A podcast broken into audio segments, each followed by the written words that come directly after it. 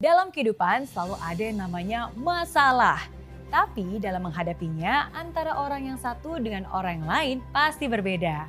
Nah, kamu pasti pernah mendengar istilah zona nyaman, zona belajar, zona pertumbuhan. Iya, untuk bisa bertumbuh kita harus mau dulu nih untuk tidak nyaman. Nah, biasanya merasa takut, setelah itu baru deh kita belajar. Lalu baru deh kita bertumbuh. Nah, di keadaan sekarang ini di mana kita dan juga seluruh dunia mengalami wabah COVID-19, ternyata ada tiga tipe orang yang berada dalam tiga tahap yang berbeda. Hmm, kira-kira kamu ada di posisi yang mana ya?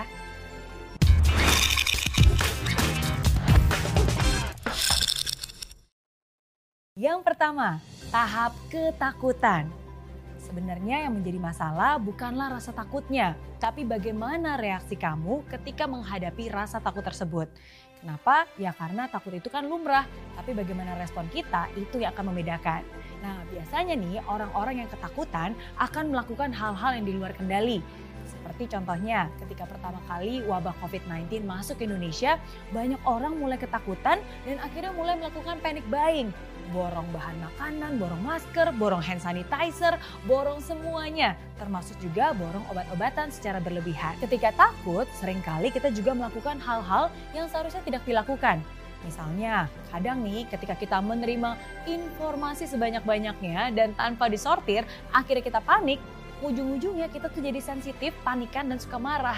Nah, yang jadi korbannya biasanya adalah orang-orang terdekat marahin pasangan, marahin anak, bahkan sampai pembantu pun di rumah ikut kena omelan.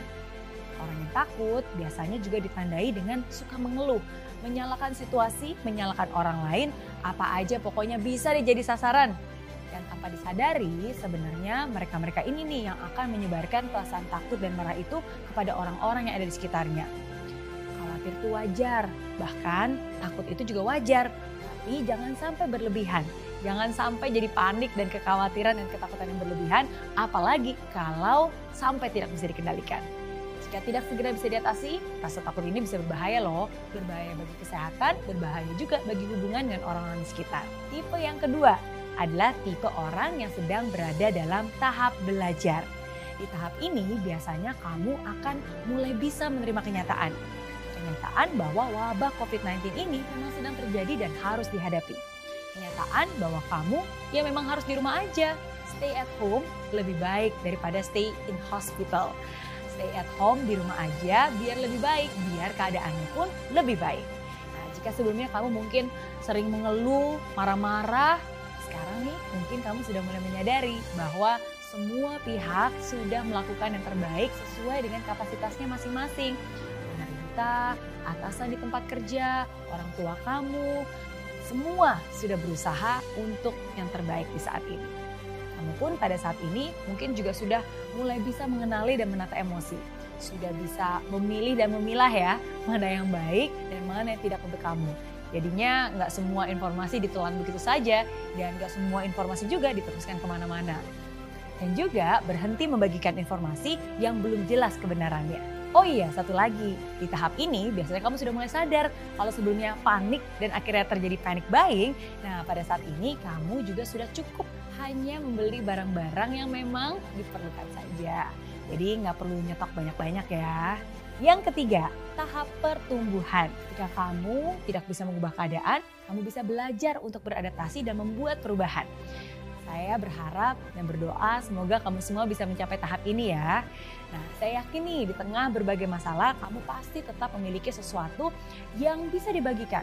Mungkin kamu punya bakat tertentu, bisa nyanyi, bisa main musik, bisa bikin puisi, bisa ngedit video, atau mungkin kamu punya materi yang berlebih yang bisa dibagikan. Atau mungkin kamu juga punya waktu dan juga punya tenaga, punya ide-ide, punya kreativitas yang bisa digunakan yang juga bisa dibagikan kamu bisa menggunakan apa pun yang kamu miliki untuk membantu mereka yang membutuhkan. Membagikan semangat, membagikan optimisme kepada orang-orang yang ada di sekitar kamu. Membagikan makanan untuk mereka yang kesusahan, bahkan termasuk dengan membagikan video ini untuk memberikan semangat kepada orang lain. Tahukah kamu bahwa ketika kamu bisa berhenti khawatir, kamu bisa merasakan ketenangan ketenangan itu penting banget, khususnya di saat-saat ini. Kalau pada saat ini kamu bisa lebih berpikir dengan jernih dan juga melakukan hal-hal yang positif dan lebih tenang, saya yakin itu juga pasti akan menambah kekebalan imunitas kamu. Nah, Bukan cuma itu aja nih, tidak hanya memikirkan kesusahan saat ini, tapi juga memikirkan bagaimana untuk ke depannya. Nggak menyesali yang sudah terjadi dan juga nggak terlalu khawatir ya akan apa yang akan terjadi nanti. Tapi yang paling penting, hidup di saat ini dan mensyukuri hari ini. Selalu ada yang baik yang bisa kamu syukuri. Jika kamu menyadari keberadaan orang-orang terdekat, kamu bisa berterima kasih dan mengapresiasi orang lain. Ketika kamu harus di rumah saja dan menunda banyak kesenangan, artinya kamu sedang belajar tentang kesabaran. Ketika kamu bisa belajar menerima, kamu pasti bisa menjadi orang yang lebih baik lagi. Nah, itu dia tiga tipe orang di tahap yang berbeda-beda. Kalau kamu sekarang sedang di tahap yang mana ya? Takut, belajar, atau bertumbuh? Ingat, di situasi yang tidak baik, selalu ada yang baik. Di situasi yang tidak baik, tetaplah jadi orang baik. Life is good with Mary Rian.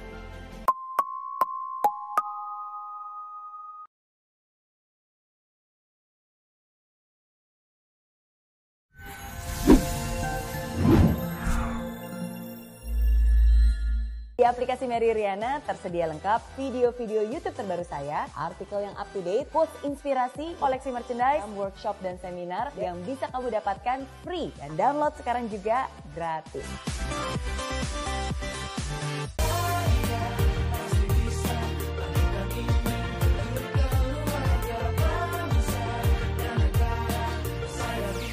Ya, ah, tanpa hujan, hidup tanpa kering dan mati tanpa hijaunya tumbuhan. Ah, demikian kalau mimpi tak kunjung terjadi.